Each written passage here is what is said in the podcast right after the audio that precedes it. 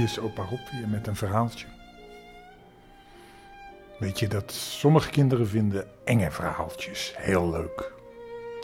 En vanavond hebben we enge verhaaltjes. Dus als je helemaal niet van enge verhaaltjes houdt, moet je snel naar het volgende verhaaltje gaan. Want dat is veel leuker.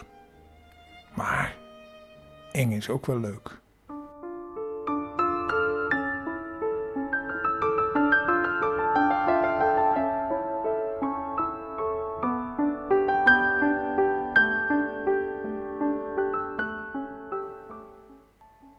Soms is het Halloween. Halloween.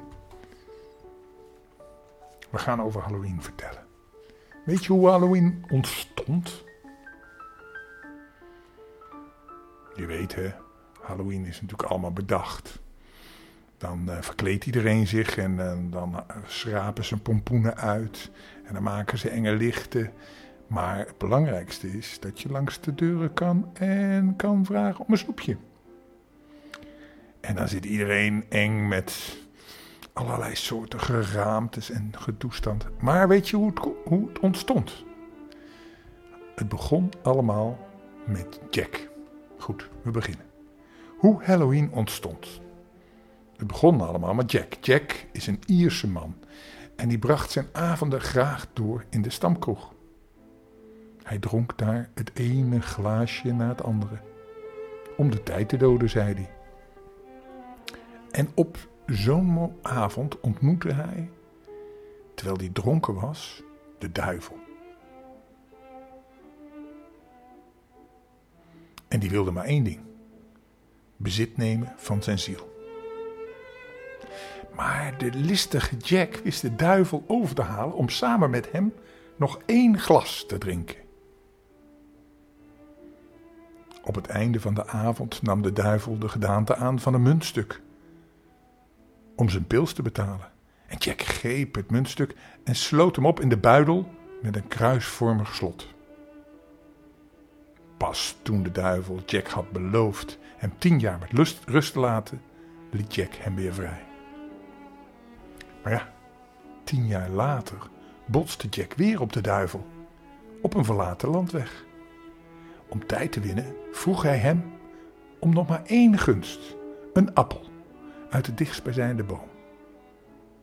Toen de duivel in de boom klom om een mooi exemplaar uit te zoeken, zag Jack zijn kans schoon om met zijn zakmes een kruis te kerven in de stam van de boom. De duivel zat klem in de kruin en Jack liet hem beloven dat hij hem nooit meer lastig zou vallen. Vanuit zijn benarde situatie kon de duivel niet anders dan daarmee akkoord gaan en hij sloeg jammerend op de vlucht. Toen Jack stierf, werd hij weggejaagd uit het paradijs, omdat hij met de duivel had gehuld. En in de hel wilden ze hem ook niet hebben, omdat die een belofte met de duivel had gemaakt. Jack was verdoemd om eeuwig te dolen en smeekte de duivel om een gloeiend kooltje waarmee hij zijn lange en donkere weg kon verlichten. Die kreeg hij gelukkig nog.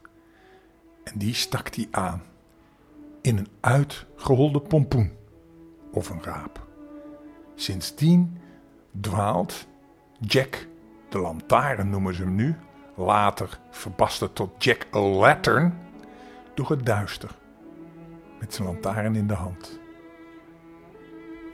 Nou, dat is een grappig verhaal, vind je niet, om te zorgen dat je veilig bent van de duivel. We geloven niet in de duivel, hè? Maar ik heb nog zo'n eng verhaal. Het geheim van de onsterfelijkheid. Dag allemaal. Ik heb begrepen dat jullie hier vanavond gekomen zijn om naar een eng verhaal te luisteren. Maar weten jullie het wel zeker? Het is namelijk erg donker buiten en met Halloween lopen er allerlei rare figuren op straat. Oké dan. Ik ken nog wel een eng verhaal. Ik zal jullie vertellen hoe ik aan dit ooglapje kom. En waarom mijn gezicht er zo uitziet. Ik heb het opgeschreven, want helaas, mijn geheugen is niet best meer. Ik ben geboren in een hele aparte buurt van Hilversum. De straat was vol met allemaal hele kleine huisjes. En daar woonden allemaal mensen die zo vreemd waren dat ze alleen in die straat mochten wonen. Het werd dan ook de Griezelstraat genoemd. Mijn vader en moeder waren ook hele vreemde mensen. Ze zagen er wel gewoon uit, maar toch deden ze vreemde dingen. Mijn vader ging bijvoorbeeld altijd s'nachts weg. En als hij dan s ochtends vroeg thuis kwam, zaten zijn kleren altijd onder het bloed.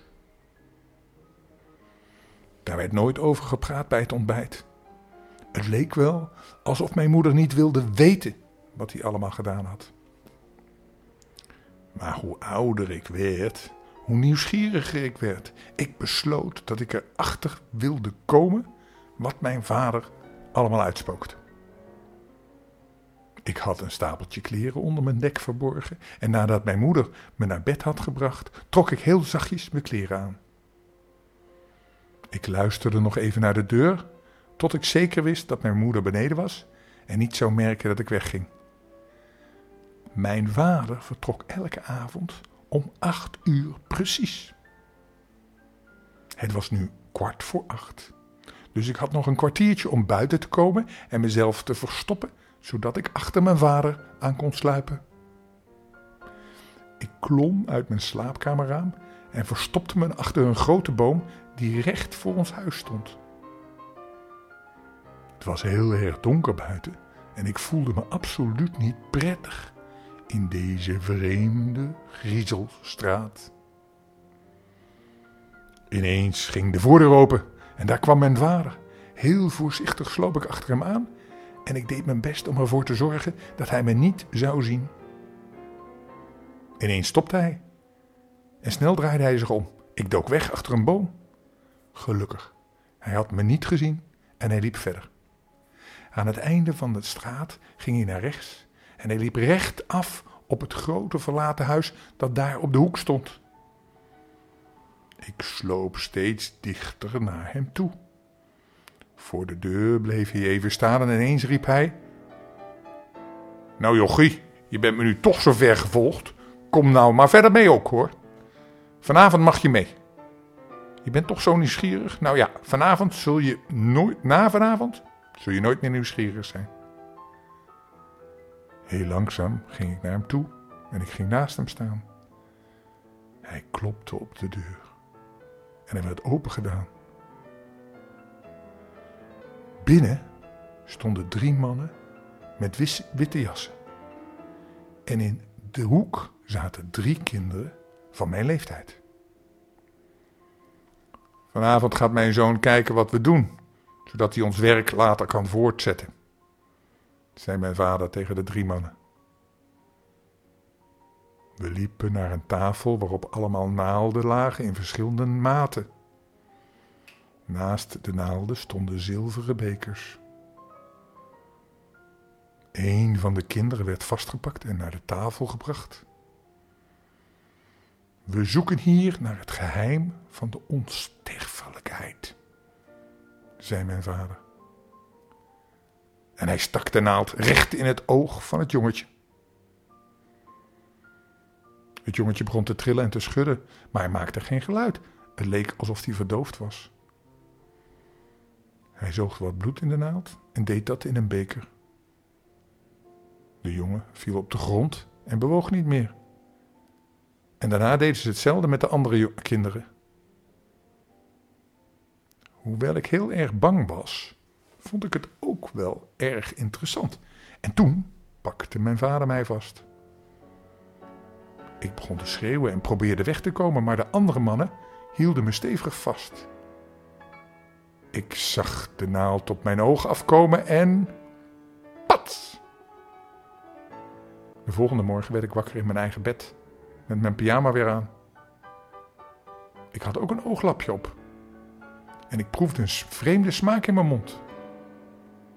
Ik wreefde mijn mond af en zag dat er bloed aan mijn mouw zat. dat is inmiddels alweer heel lang geleden. En mensen die dit verhaal kennen, vragen mij wel eens of het middel voor de onsterfelijkheid ooit gevonden is.